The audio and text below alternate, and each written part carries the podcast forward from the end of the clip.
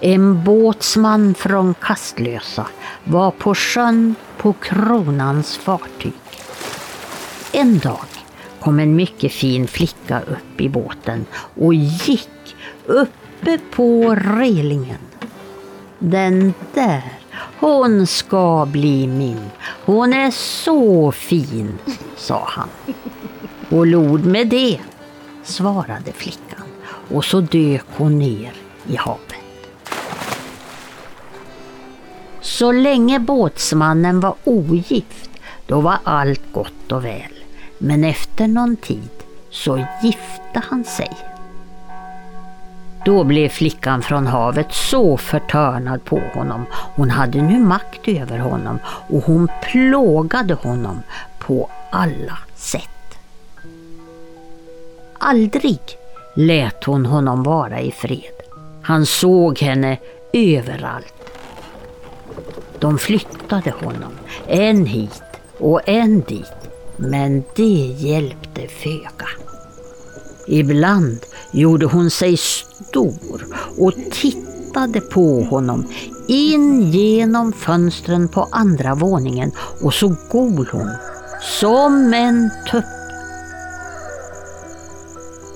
Ibland var hon som en skata och skrattade och ibland var hon som en kvinna. Han kunde aldrig bli kvitt henne och han blev bara sjukare och sjukare. Till sist hade hon plågat båtsmannen från Kastlösa ända in i döden.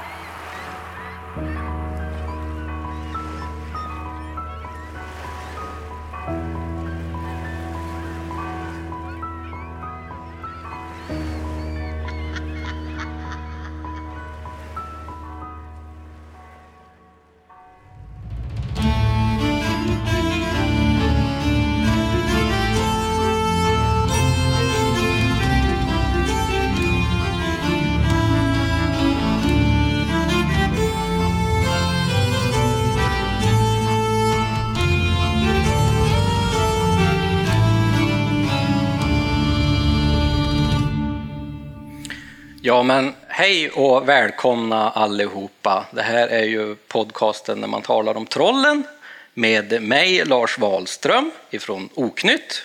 Och som vanligt så har jag ju med mig nu Tommy Kosela som är doktor i religionshistoria. Hej Tommy! Hej Lars! Hej allihopa!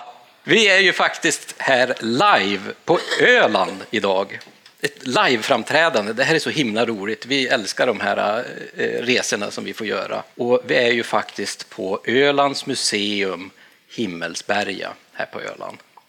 Och just det här Ölands museum Himmelsberga är ett fantastiskt fint friluftsmuseum här på östkusten på Öland som har flera olika gamla gårdar och hela det här museet är uppbyggt som en gammal öländsk radby, vilket är otroligt häftigt och intressant att se hur alla de här gårdarna är uppställda och hur man levde under den här tiden. Liksom.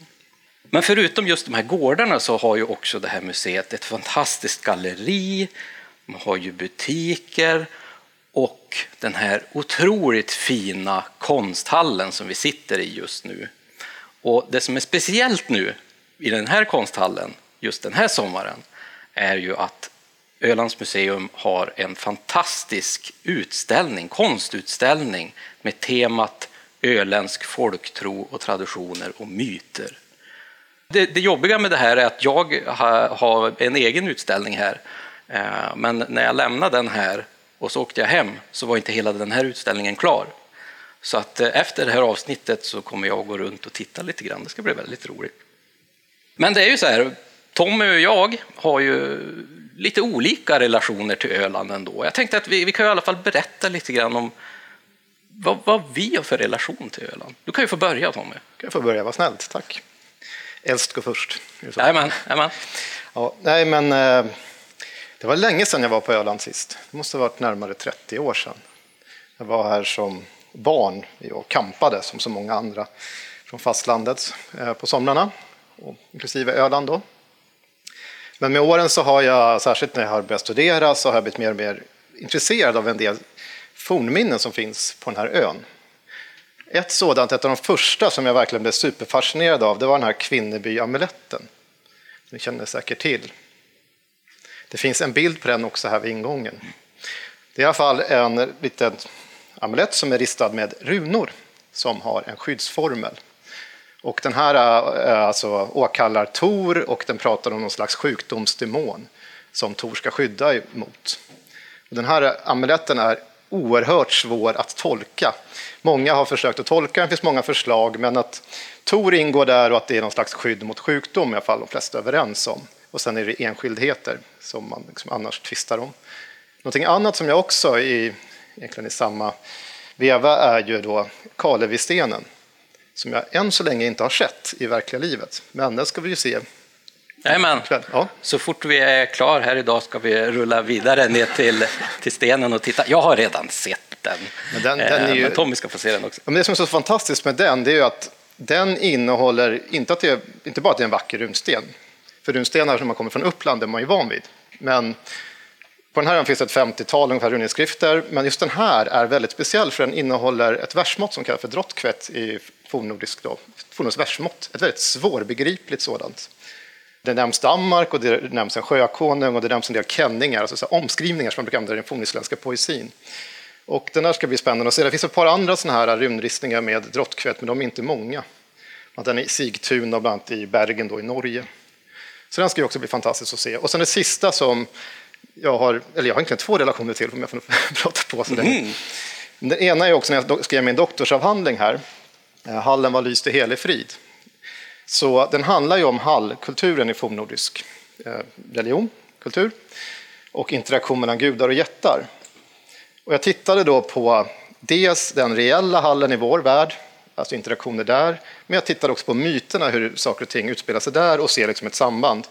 Och när jag satt och skrev den där, för jag höll på med den alldeles för länge som många doktorander gör, man, håller, man blir inte klar på fyra, fem år som många säger, eller som man ska bli. Eller så förläser man sig på massa annat under vägen. Men när jag satt med där, då hände ju någonting. Då, då, hittade man någonting här på Öland som var fantastiskt, tyckte jag. Som stämde väldigt bra överens med vad jag höll på att skriva om där i. Och det var i Sandbyborg. Mm. Och eh, när jag satt på Kungliga biblioteket i Stockholm och skrev på det här, då fanns det nästan ingenting att läsa om Sandbyborg.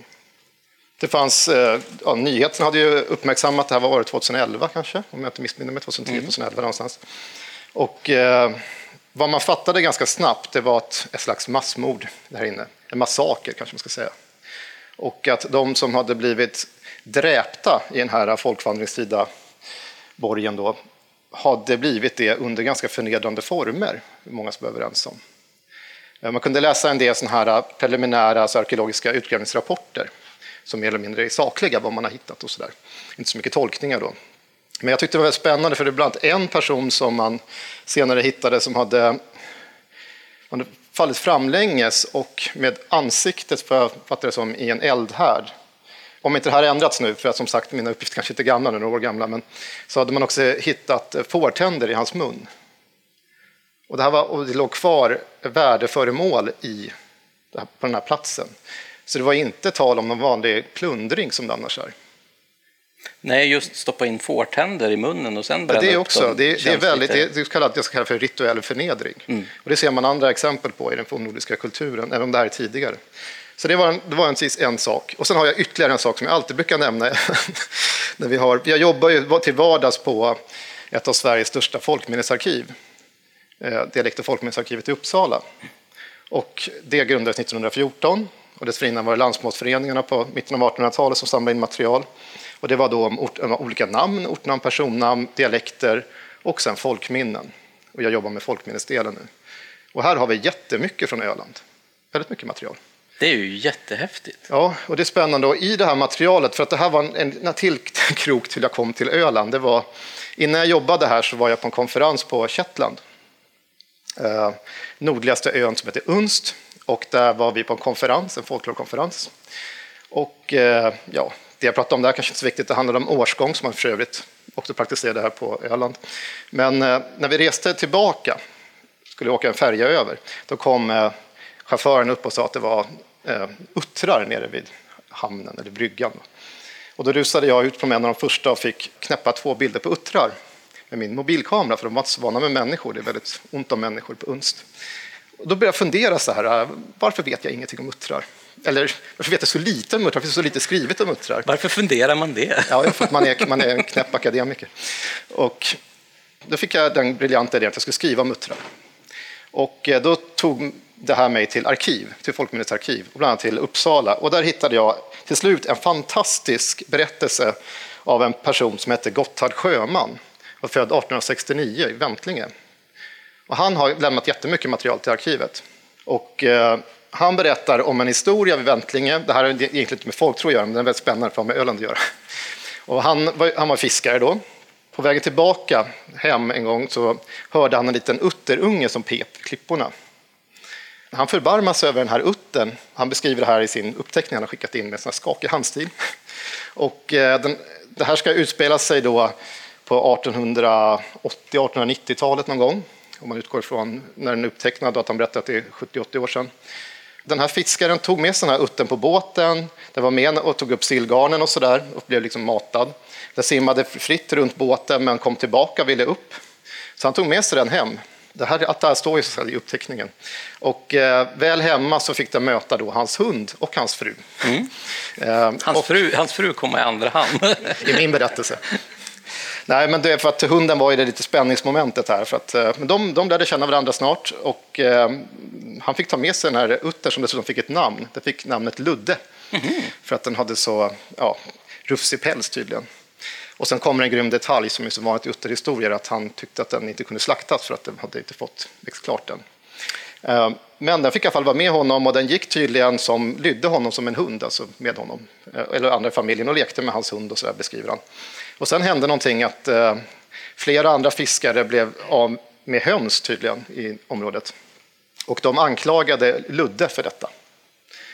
Så att han var tvungen att binda Ludde på gården. Och den stod där dag som natt, men det fortsatte försvinna höns och sen visade det sig att det var ju räven som hade varit framme. Och räven infångades eh, och fick böta med sin päls och vad som hände med Ludde framöver vet man inte. Men det är, det är en sån där historia som jag kommer ihåg i arkiven från Öland som var väldigt stark. Är det där din stora fascination för uttrar kommer ifrån? Ja, det är lite grann därifrån. Ja,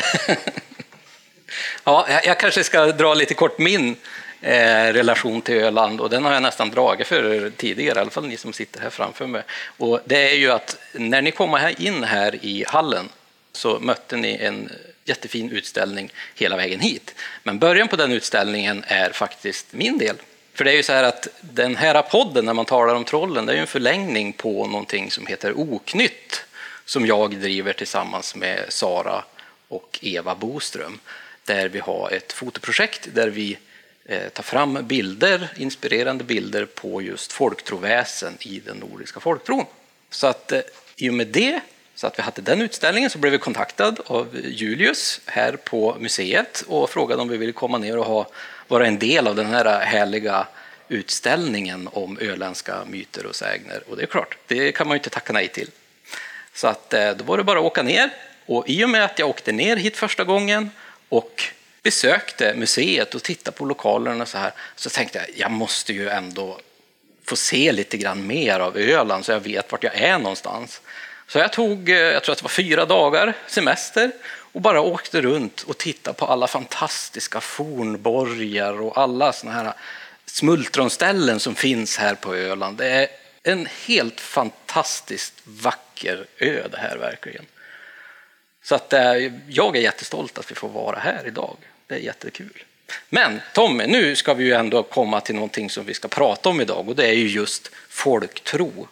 Och vi kanske ska börja lite grann och bara enkelt, kanske inte så enkelt, vi får se hur du kommer att formulera det. Men jag tänkte att vi skulle i alla fall lite lätt förklara vad är egentligen folktro när vi, när vi använder begreppet?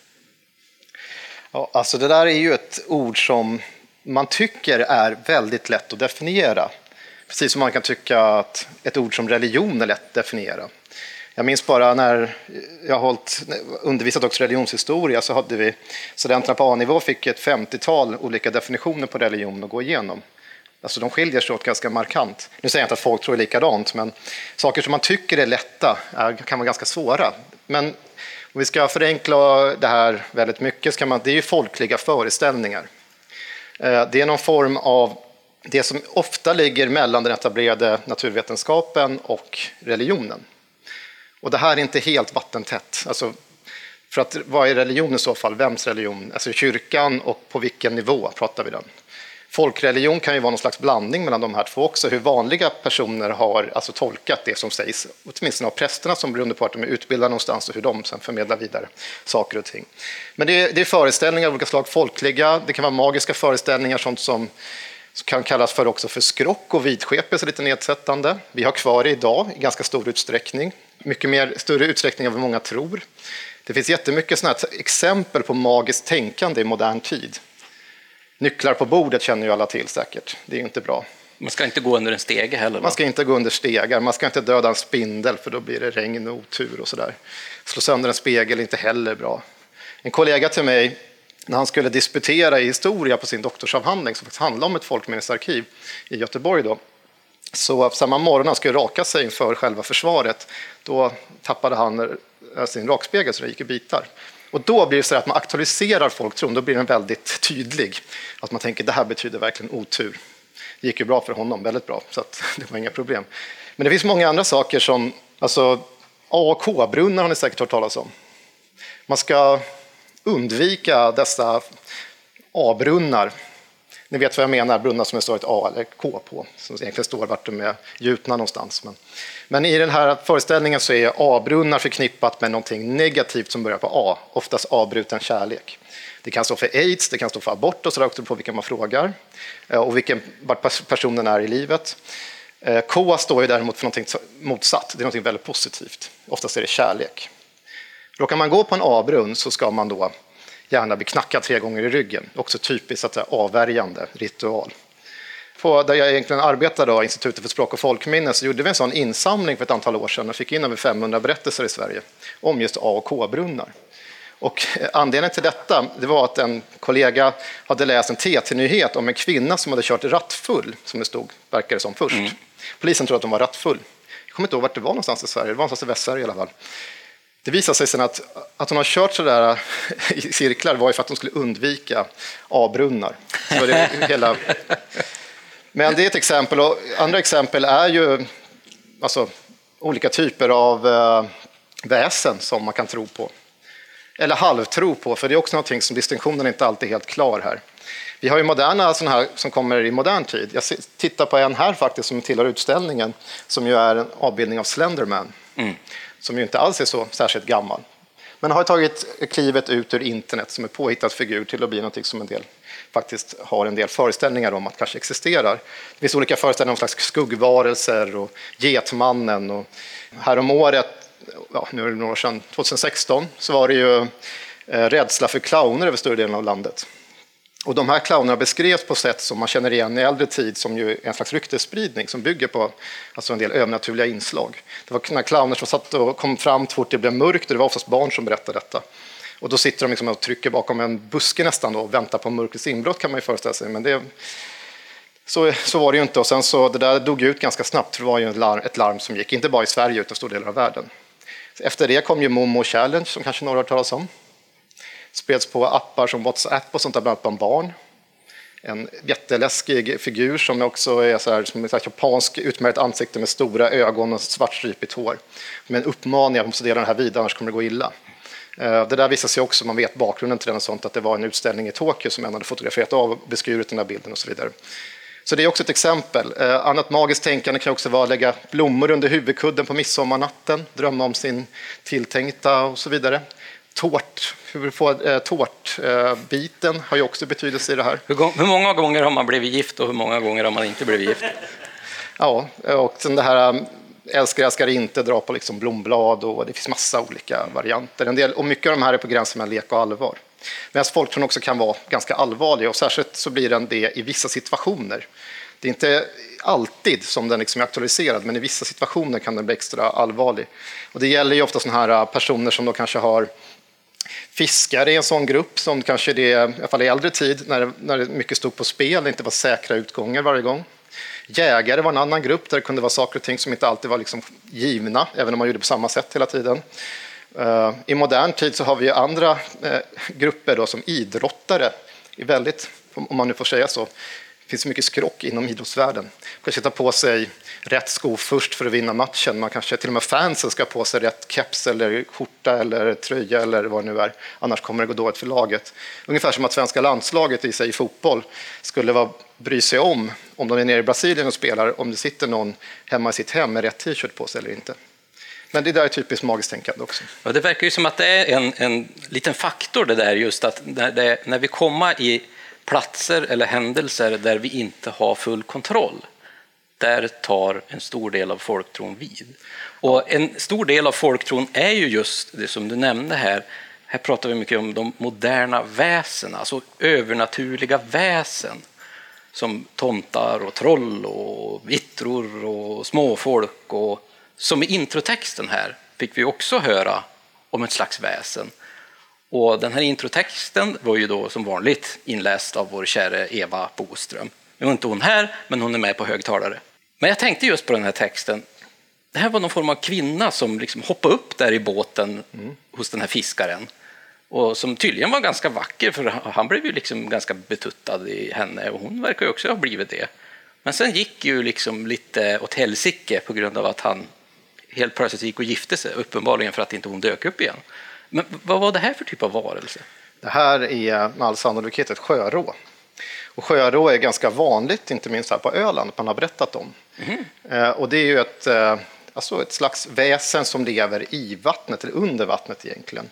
Hur de beskrivs skiljer sig åt. Och det här kan vara någonting, ibland så är man väldigt sådär att det här landskapet har si och så och det landskapet har si och så, men så är det inte riktigt. Alltså alla berättare kan ha olika versioner av saker och ting. Och det har vi sett mycket om man tittar på mycket material i arkivet. Visst, man kan se en del geografiska skillnader, absolut, men samma berättare kan skilja på beskrivningen av ett sjörå i den ena till den andra berättelsen. Men här är den uppenbarligen vacker, vilket är ganska vanligt här. Hon påminner mycket om skogsrået i, tycker jag, i många öländska sägner. Mm. Det finns en del att hon är förförisk och lockande och i det här fallet vill hon ju gifta sig och vill ju ha mannen och mm. liksom ta honom till sig. Och det, det är andra sådana här motiv som brukar tillskrivas skogsrå. Skogsrå berättas det också om här på Öland. Det här är också en del av det i landet där man använder just benämningen skogsrå. I andra, andra delar där jag kommer ifrån, i Uppland, så pratar man ju om skogsfrun istället. Mm. Och är man längre österut till, till Gotland så är det Torspjäska exempelvis. Så det, det, är väldigt olika namn beroende på vart, land, eh, namn beroende på vart man är i landet. Jag tänkte på vad heter sjörå. Det finns väl någonting som något råväsen också som är kopplat till vattnet. Det är ju skeppsrå. Mm. Men den framställs ju på ett helt annat sätt. Det påminner ju lite mer om en tomte. Skeppsrået är en tomte, men tomten är på sätt och vis ett rå också. Och rå betyder ju det här är ju av ordet rå som betyder rådare, alltså någon som råder över en plats. Så att i sjöråets fall så är det någon som råder över sjön. Det kan både vara män och kvinnor. Så att båda formerna finns ju. Man kan prata om havsfolk ibland också som lever. Ibland lever de som ett tillvaro som påminner om människans under vattenytan. De kan ha bostäder, de kan ha boskap de kommer upp med och sådana saker som man kan möta dem. Och här kan man också se, beroende på vem som möter dem, att är de i sin förföriska roll då är det ju vanligare kanske att en man möter just en kvinna och vice versa. Så det, det är sådana saker som också finns beskrivet i arkiven. Varför tror du att det just är så mycket kring sjörå här på Öland? Ja, nej, men jag tycker att det är väl ganska på sätt och vis uppenbart eftersom det här är en ö som är omgiven av hav överallt. Mm. Östersjön är ju, liksom, omringar ju hela Öland så att det är ju en viktig näring är ju till havs. Är det någon skillnad egentligen på sjörå och havsrå? Nej, det, det är benämningar. Sjörå vad man brukar använda som, som benämning. Annars, annars kommer det oftast andra typer av väsen. Det kan komma någon slags eh, som påminner om sjöjungfrur. Det finns ju också beskrivningar av. Mm. Som kan ha en fiskunderdel, men inte alltid. Eller kan förvandla sig. Någonting som tillhör de här övernaturliga väsena är just deras förmåga att hela tiden ändra form efter vilja. De kan ju byta som skepnad. Finns det fler typer av väsen här på Öland. Ja, det finns en hel eh, uppsjö av dem. Jag har en till relation till Öland faktiskt, som jag inte nämnde i början här. Jaha, För, för några år sedan så fick, via mitt vardagliga jobb då på Institutet för språk och folkminnen, så i samarbete med museet här så skulle det tas fram en sån om södra Öland berättar, om namn där. Och till det med mina kollegor på namnarkivet då, som har tagit fram det här eh, blev jag tillfrågad, men kan inte du också bidra med någonting från folkminnesarkiven? Och då tänkte jag, jo men det är klart jag kan. Det är bara att gå ner och leta lite grann på Öland, det är ju jätteroligt. Så jag, skri- jag har skrivit den delen om ni går in och läser om, eh, om väsen och folktro på södra Öland, så det är jag som har skrivit den delen. Eller upptecknar är naturligtvis från arkivet, inte mina, utan det är ju gamla. Och jag blev väldigt glad när jag fick se ett superfint konstverk här runt hörnet som avbildar en grodkvinna som ju är beskriven just i en sån där uppteckning jag skrev av. ja, den är ju helt fantastisk. Eh, ni får absolut gå och titta på den sen när ni eh, är klara här. Men du frågade om andra väsen. Jag skrev ner några berättelser och jag, jag har ju några stycken med mig här. Men eh, tyvärr så låter, inte jag lika bra som Eva när jag läser upp saker och ting. Det är få som gör. Det är få som gör det. Men jag har en som handlar om jättar och att jag väljer jättar det är för att det är mitt favoritämne. Min avhandling, det är ju jättarna som står i fokus i den här, även om det handlar om hallar. För det är interaktion mellan gudar och jättar. Visste ni att det fanns jättar på Öland? Det finns överallt i landet. Och då lyder den så här, och den här uppteckningen är från 1825 i Ölands historia och beskrivning av Abraham Ahlqvist. Och då ska jag läsa den. Norr om byn Vi i Källa socken ligger en större sten, kallas Sekels sten, efter en jättinna Sekel, som ska ha bott på Borge, Borgehaga i Högå socken. Samma jättinna hade en syster som var gift med en jätte Skägge och bodde i Ryssby socken på Smålandssidan. För att oftare kunna träffas kom jättesystrarna överens om att bygga en stenbro över Kalmarsund. Den ena från Ryssby strand och den andra från Öland. Jättesan, eller jättinnan från Småland, började först sitt arbete. Var dag kom hon hem med en stor fångst sten och började fylla i sjön så att hon till slut hade färdigt brons landsfäste, det så kallade Skägganäs, som sträcker sig en kvarts mil ut i havet. Jättekvinnan på Öland skulle också börja bygga, men när hon kom med första stenfånget i sitt förkläde blev hon skjuten av en dräng genom livet med en skäkta. Överväldigad av plågor satte hon sig att vila på föromnämnda sekelsten som har en grund fördjupning i toppen, vilken fördjupning lär vara ett minne efter denna vila. När hon repat sig begynte hon på nytt sin vandring, men hon kom ej längre än till Persnäs när åskan började gå och blixten slog ihjäl henne. I detsamma hon föll släppte hon stenarna ur förklädet och det ligger där än idag i det stora Kumlen på Persnäs backar. Så här har du jättar i alla fall. Ja, men den här är ju jämmerns intressant alltså, för jag vet inte om ni känner igen mycket, om ni har hört mycket sägner kring just jättar, men det är ju många saker i den här berättelsen som är väldigt kopplad till just de här jätteberättelserna. Speciellt kanske just att de är någon form av byggare, de ska bygga någonting. De ska antingen bygga en stor borg, hjälpa någon kung eller någonting, eller någon drott, eller som här ska de till och med göra bron över. Ja, nej, men många jättar är ju byggmästare i sägnerna, så är det, och även i myterna, för det där går ju tillbaka till fornnordisk tid. Men i det här fallet så handlar det om en bro. Och det här, att bygga en bro är ganska vanligt jättemotiv runt om i landet, att de ska bygga över en sjö eller en flod eller någonting. Och det är oftast ett äkta par som ska mötas, eller i det här fallet är det syskon, då, två systrar. Men de brukar aldrig lyckas, utan de blir nästan klara. Någonting händer i slutskedet här som gör att de inte blir färdiga. Och med all sannolikhet eh, så är ju det här, eh, kan man ju se den här platsen. Det är så typiskt när det gäller jättar, kan man ju se platsen, för här är också ett märke efter där hon har suttit ett tag och vilat sig. För alla vet ju att när Förr i tiden så var stenarna mjukare än vad de är idag. Och där en jätte sitter eller har legat, för de brukar vara utdöda de flesta delarna av landet, så kan man se märken efter där de har legat eller suttit eller någonting annat. Det finns till och med rumpformer och sånt där på en del berg som sägs vara efter jättar. Om det nu inte är troll då, som har förvandlats i sten, eller jättar som fallit i sten, är också vanligt. Lite, lite taskigt för en jätte att eh, det, den blir, det man minns av den jätten är hennes rumpa, som ett hål i backen. Men hon, det gick ju inte så bra heller, för hon blev träffad av blixten. Ja. Är inte det också ganska vanligt? Det är ju någon som har ett visst agg just emot ätterna. Ja, det Jättarna. där, det där är ju självklart ett arv från fornnordisk tid, där Tor var den stora jättebekämparen i de fornnordiska myterna. Någonting han fortsatte med efter människorna blev kristnade, så fortsatte Tor jaga både jättar och troll och andra väsen. Man skulle annars kunna tänka sig att eh, skogsrå och sånt som tillhörde djävulen enligt kyrkan då skulle kanske vara på de här hedniska gudarnas sida. Men så tänkte inte folket, utan man hade samma berättelser. Men nu jagade Tor istället eh, olika väsen. Så att det var fortfarande en förklaring till hur blixtarna slog ner. Men jag tänkte på en till. Jag nämnde ju Sandbyborg här i början. Och det finns en annan berättelse som är då från eh, Folklivsarkivet i Lund. Och den här är upptecknad då 1931 av en Per Andersson i Åby.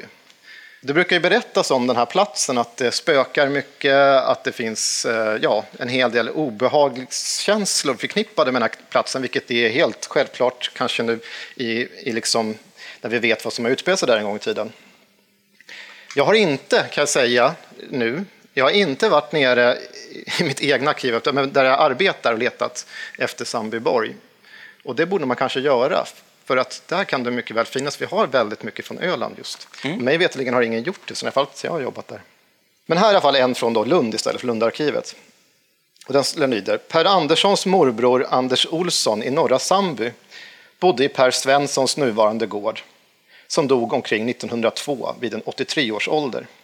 Han talade om en gumma i norra Sandby, en båtmanskärring, en mycket trovärdig kvinna som såg en tomtegubbe i borgen.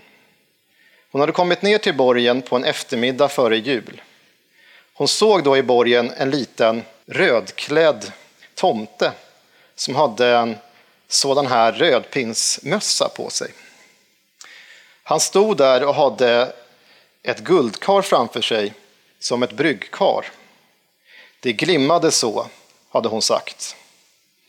Han stod och rörde i det. Han rörde och arbetade. Hon sa det att han lagar väl till julgröt.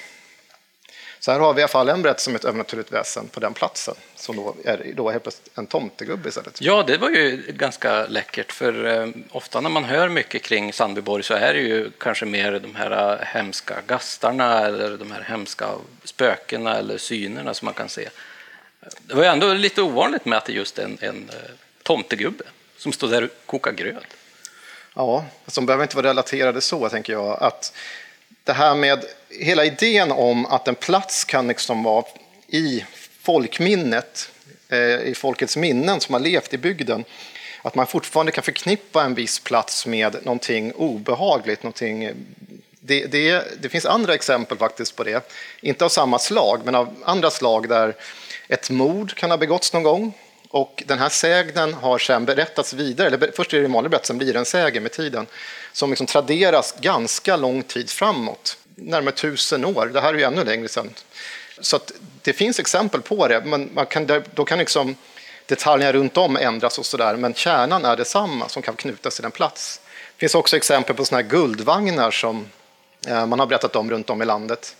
Eh, inte minst mellersta och ner till Sverige, inklusive Öland, om någon plats där någon gång en vagn har dragits antingen full med guld eller med skatter av andra slag och sen har den sjunkit av någon anledning. Eh, det finns olika sägenmotiv knutna till det också, sägentyper.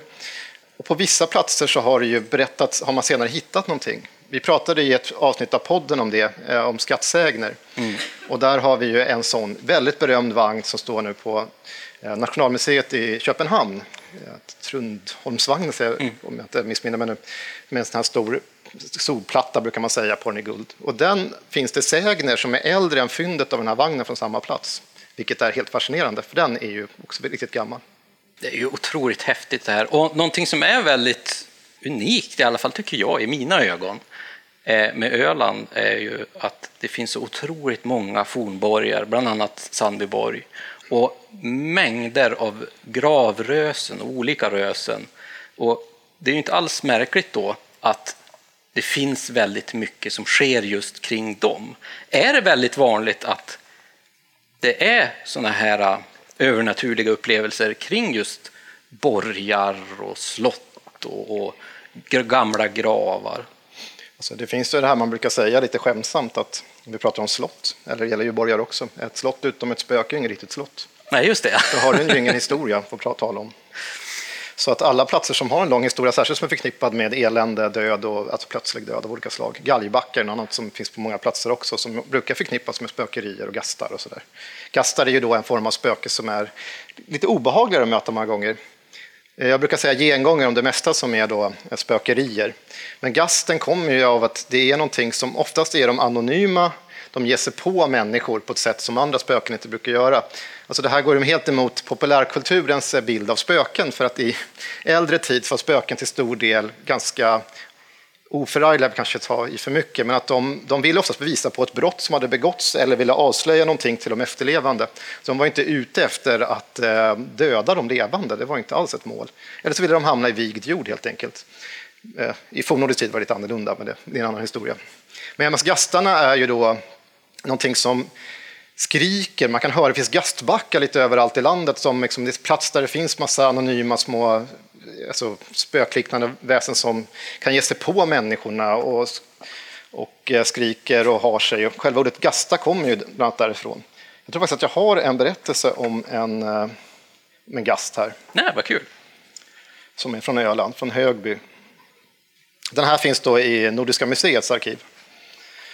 Och den finns också upptecknad i Bengt av Klintsbergs Svenska folksägner. Första halskotan, den som sitter närmast huvudet, kallas för Gastaknokan. Det var en från Sörvik i Persnäs socken som var på väg hem. Det blev så tungt att åka och hästen blev så svettig för han hade fått påhäng. När han kom till avtagsvägen vid Sörvik så var där ett vattenträsk. Det finns en. Och när han kom dit körde han ner med vagnen i vattnet för han ville se vad det var han hade på vagnen. På den här tiden tänkte man sig att, att Gasta kunde inte gå i vatten så om han körde ner vagnen där så skulle den i så fall, om det var det, skulle den vara fast. Det var mörkt på kvällen. När han kom ut i vattnet kopplade han loss hästen från vagnen och red hem på hästen. Vagnen lät han stå kvar. På morgonen efter så skulle han gå och se vad han hade haft för påhäng. Och då kunde han inte hitta annat än en sån där gastaknota. Det var allt som fanns. Den tog han och kastade ner i vattnet och sen var det ett liv varenda natt i det träsket. Ett väsen så länge det fanns vatten kvar i kärret. Men när det blev torrt så torkade kärret ut och då blev det tyst. Det här är intressant i den här är också att den är insamlad av en som heter Louise Hagberg 1927. Och hon är ju den som har skrivit När döden gästar som är det bästa som har skrivits i Sverige om, eh, om traditioner om döden i äldre tid. En sån här Magnus Opus på 600-700 sidor. Finns för övrigt gratis att läsa på Litteraturbanken heter det, mm. om man är intresserad. När döden gästar. Jag har ytterligare en om eh, döda. Ja. Jag är ändå inne på döden. Ja, men vad bra. Det är ändå bra. ljus på dagen så kan vi ändå prata om sånt här utan att, och ni kan ändå ta er hem utan att tänka för mycket på det här. Den här är från Hultersta och då är det berättat av en lantbrukare, Anders Pettersson, född i Gösslunda 1860. Den här finns i Folkminnesarkivet i Uppsala.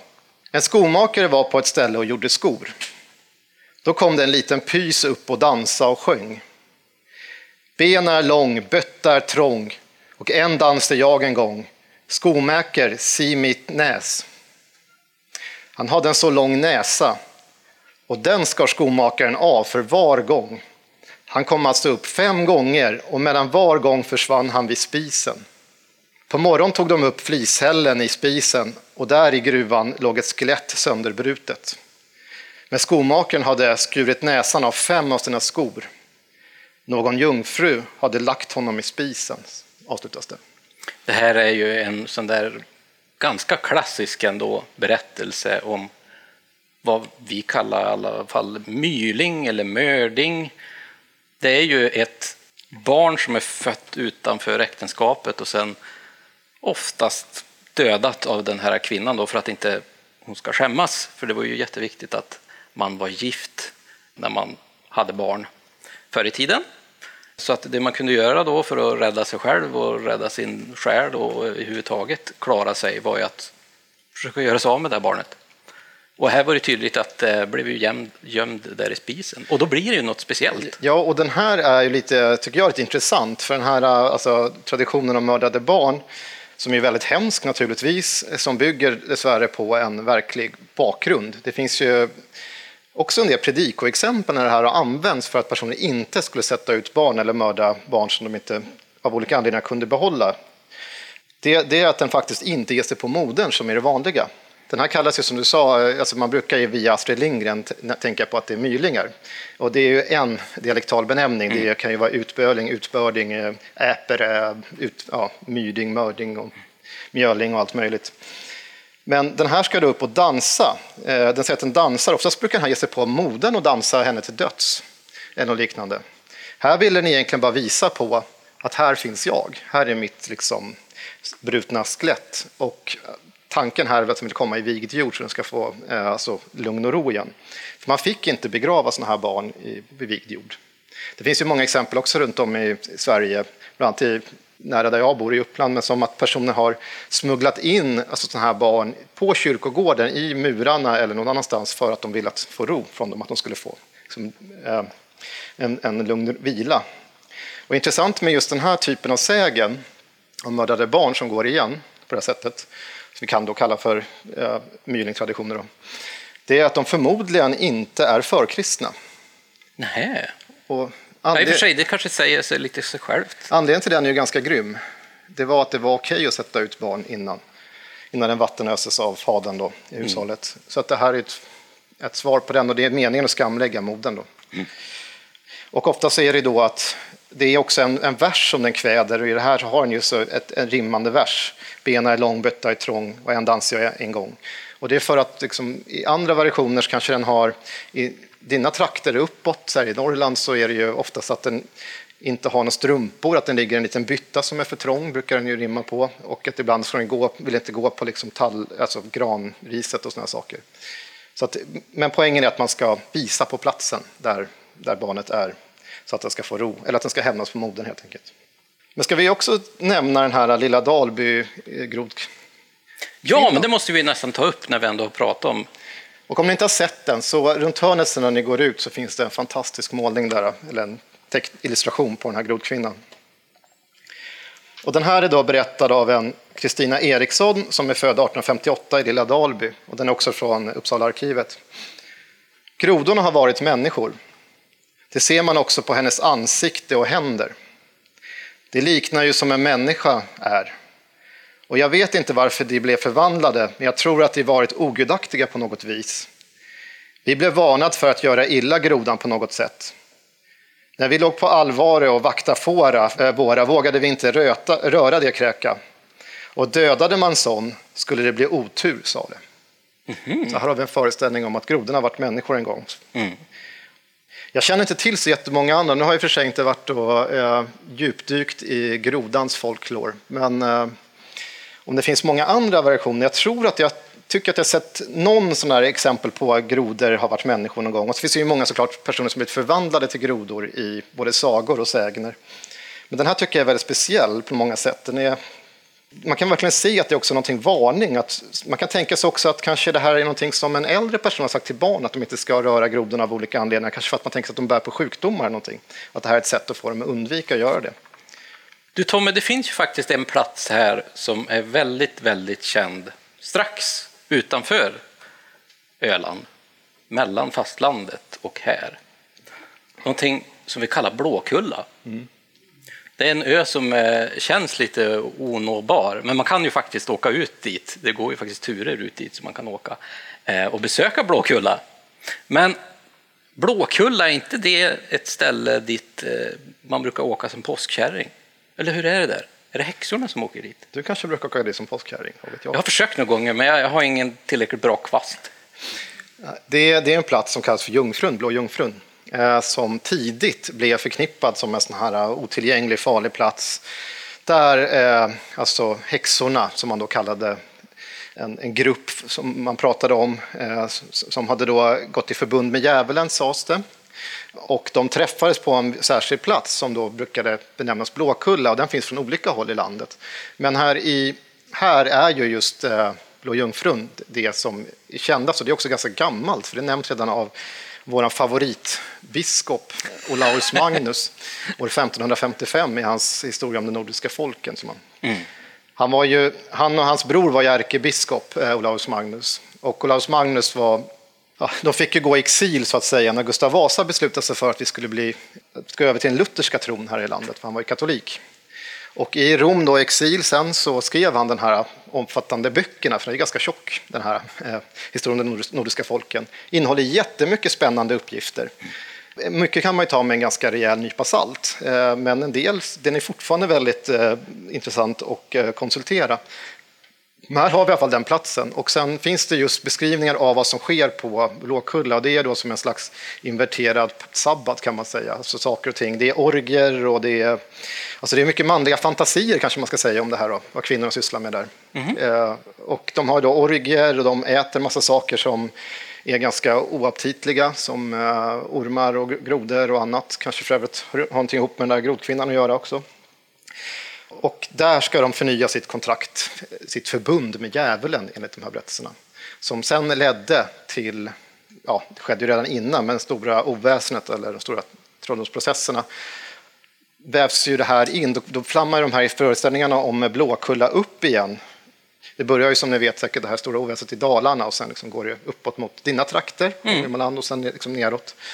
Gävlepojken sen så sprang ner till Stockholm och sen så blev det ett eh, larm där också som sen till slut ledde till att det här, man började ifrågasätta att barn kanske inte alltid talar sanning. Gävlepojken var ett gott exempel på det. Mm, mm. För han eh, visade sig sen hade ju insett att han får både uppmärksamhet och pengar och mat om han ljuger ihop att vissa kvinnor då är häxor och han kunde sen komma med en del falsarier, visa på kontrakt som de hade skrivit, som man visade sig att han skrivit med hönsblod och sådana saker. Men den här föreställningen om, om Blåkulla kom snabbt in i, i de här processerna. Det här är ju en väldigt tragisk historia i vår tid. Men det, finns, det lever ju kvar. Även efter 1600-talet så finns ju föreställningen om Blåkulla kvar. Och även här från Öland finns det ju berättelser om personer som har åkt till Blåkulla. Den Blåkulla som är här, alltså i Blå Jungfrun. Men det liksom lever kvar som en slags berättelse. Man får se häxan lika mycket som skogsrået som ett väsen nästan. Det är ju en föreställning om någonting. Och sen kan dessvärre personer pekas ut vad det men det, dessutom är det ju intressant om man går tillbaka med eh, det här Blå Jungfrun till vad vi pratade om precis från början, vad är folktro? För det här är en plats som än idag har alltså en aura av negativ energi kring sig. Mm. Det sägs ju, många som har varit där menar sig ha plockat, sten, eller de har plockat stenar som har tagit med sig hem. De vill ha ett minne från att de har varit på ön. Och sen har de drabbats av olycka. Och då menar sig en del då att det enda sättet att bli av med detta är att åka tillbaka och lämna tillbaka stenarna. Och det har ju faktiskt skett. Det är många som har ringt tillbaka till dem som skickade ut dem och säger att jag, måste få åka ut igen för att eh, jag vill lämna tillbaka några stenar som jag tog därifrån. Eh, och det ger ju också en bild av vad otroligt närvarande folktron fortfarande är hos oss idag. Det är som sagt vissa situationer i livet så är de här folkliga föreställningar, det som kallas folktro, lättare att ta till. Det ska jag inte säga att det inte händer någonting om man tar stenar där, men alltså att eh, upplever man helt plötsligt att det går väldigt illa i livet och sen knippar man det med just det, jag var där och hämtade sten och då är det lätt att kanske föra ihop ett plus ett och så är det det som är anledningen. Så det kan ju vara sådana ja, psykologiska faktorer som ligger bakom också. Jag tyckte en bra, bra idé i alla fall, för att mm. eh, varför ska man inte låta stenarna ligga kvar? Ja, det är, det är väldigt bra. Så tycker jag. Till slut blir det bara en, en hälla kvar, det tycker vi inte om. Men jag tänkte innan vi, vi börjar närma oss lite tid så att vi kanske ska sno ihop oss, men jag vet att du har några sägner kvar som du kanske skulle ja. ta upp. Jo, men precis, jag ska göra några stycken. Jag, vi kan ju, jag har en om Sjöro också, men vi pratar en hel del om vatten här ändå. Mm. Eh, och här är en från Kastlösa då, insamlad också till Uppsala arkivet av Maja Eriksson efter muraren Karl Andersson som var född 1865 i eh, Kastlösa. Han har berättat så här då när hon samlade in den här berättelsen. Min far och morbror var på väg till julottan en gång. Det var på vägen mellan Dalby och Bring här i Kastlösa. Så sa morbror till far, nu får du tiga. Sen sa morbror, ta det här och gå. Och tog bussen ur munnen och räckte framåt annat håll än åt far till. Far teg tills de kom till kyrkogården eller körgården. Då sa han, vad sa du så för? Det var en kamrat som var drunknad, sa morbror. Och han räckte ut handen och hade jag tagit den så hade jag måste bärga honom och han kanske ligger vid kanten av Atlanten. Som man berättar han här. Oj då. Han tog ju ganska kallt ändå, den här morbrorn. Eh, han, han, han, såg ju det där, men han, han, såg till att han inte skulle... Han visste ju i alla fall vad han skulle göra. Men är inte det här också ett ganska vanligt tema när vi har pratat om ja, men, myling eller utböling-traditionen och sen de här gastarna och spöken, att de oftast vill ha hjälp med att förflytta sig på något sätt också. Ja, om den här ligger drunknad så är det ju alternativet då att den vill komma till vigd jord. Mm. Som ju är, och som han då, om man ska utgå från vad morbrorn menar det här, så måste han ju den vara den som tar dit liket. Och om det är som han tänkt sig att den ligger kanske på andra sidan Atlanten eller något sånt där så är det ju lite väl jobbigt på, på ja, om vi tänker att det här är hans far så det måste ju vara någonstans på 1800, mitten av 1800-talet och ta sig tillbaka med ett lik från sin då, mm. Men visst, och det här med händer som sticker upp i vattnet när de döda vill någonting brukar vara farligt i folktron. Det kan vara att man kan bli neddragen eller några andra saker. Det kan också vara någonting om man visar barmhärtighet eller något sånt där. Man ger dem om de verkligen tycks frysa. Det finns också sägner om det att man ger dem kanske vantar eller något bröd eller någonting. Och då kan det gå bra för dem. Då kan de alltså, se till att man får god fiskelycka eller något sånt där. För de, rå, eftersom de råder över sjön mm. så råder de också över det som lever i sjön, vilket är då fiskarna, för det är det fiskarna vill åt. Alltså de som fiskar, den typen av fiskar. Så ja, det där. Men jag har ytterligare en om ett, eh, ja det här var ju ett, eh, ett eh, lik då, men, men då kommer vi ändå in på sjörå. Och då har vi en annan som också är från arkivet i Uppsala som insamlat av samma Maja Eriksson 1932, berättat av lantbrukaren, lantbrukaränkan Hilda Eriksson, född 1855 i Seby, Segersta. Och hon berättar så här. En gammal gubbe hemma i Mellby berättar om sjörån. Han såg henne en morgon när hon kammade håret. Hon hade så långa flätor och var så grann.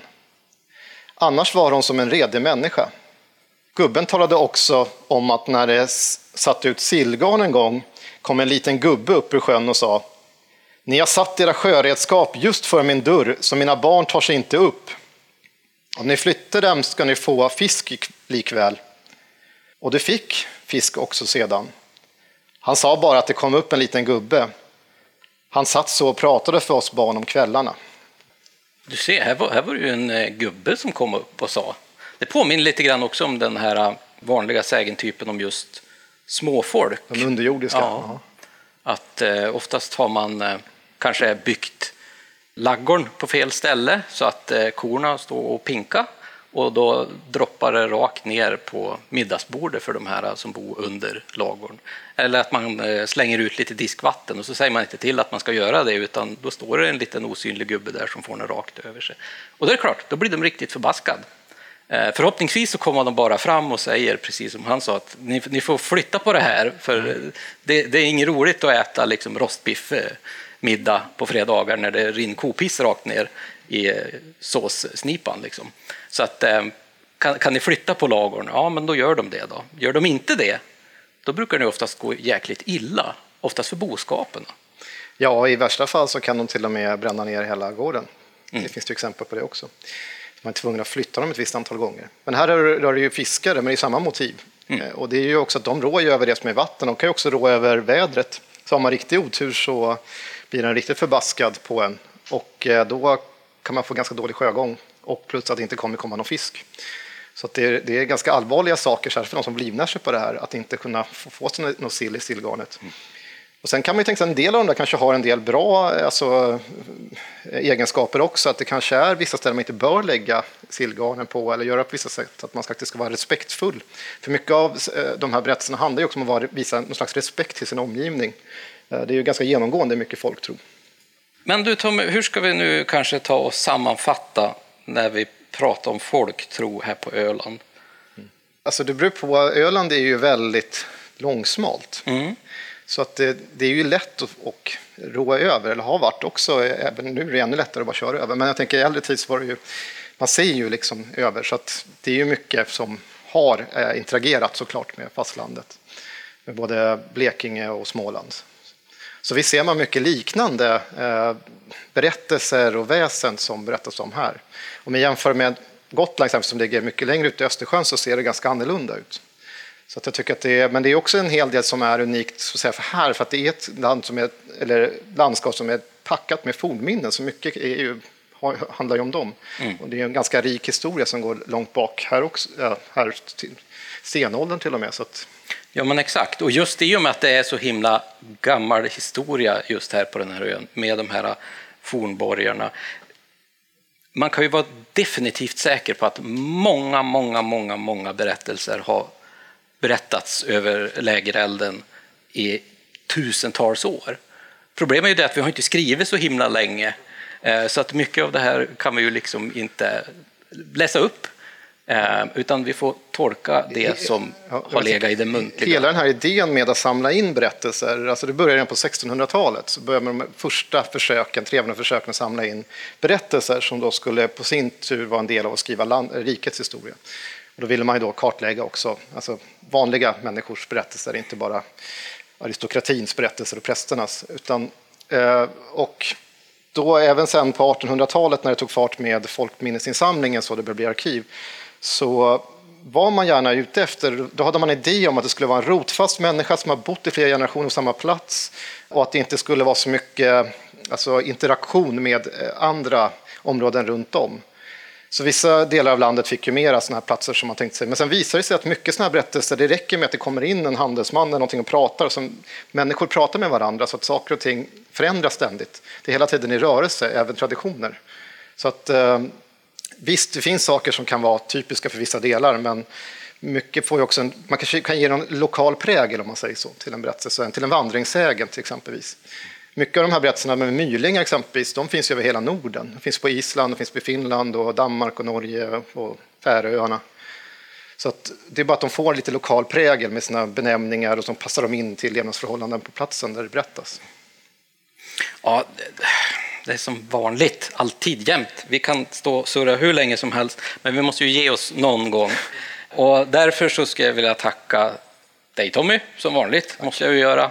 Få tacka Eva här i högtalaren. Eh, och så måste jag ju såklart tacka er för att ni kommer hit.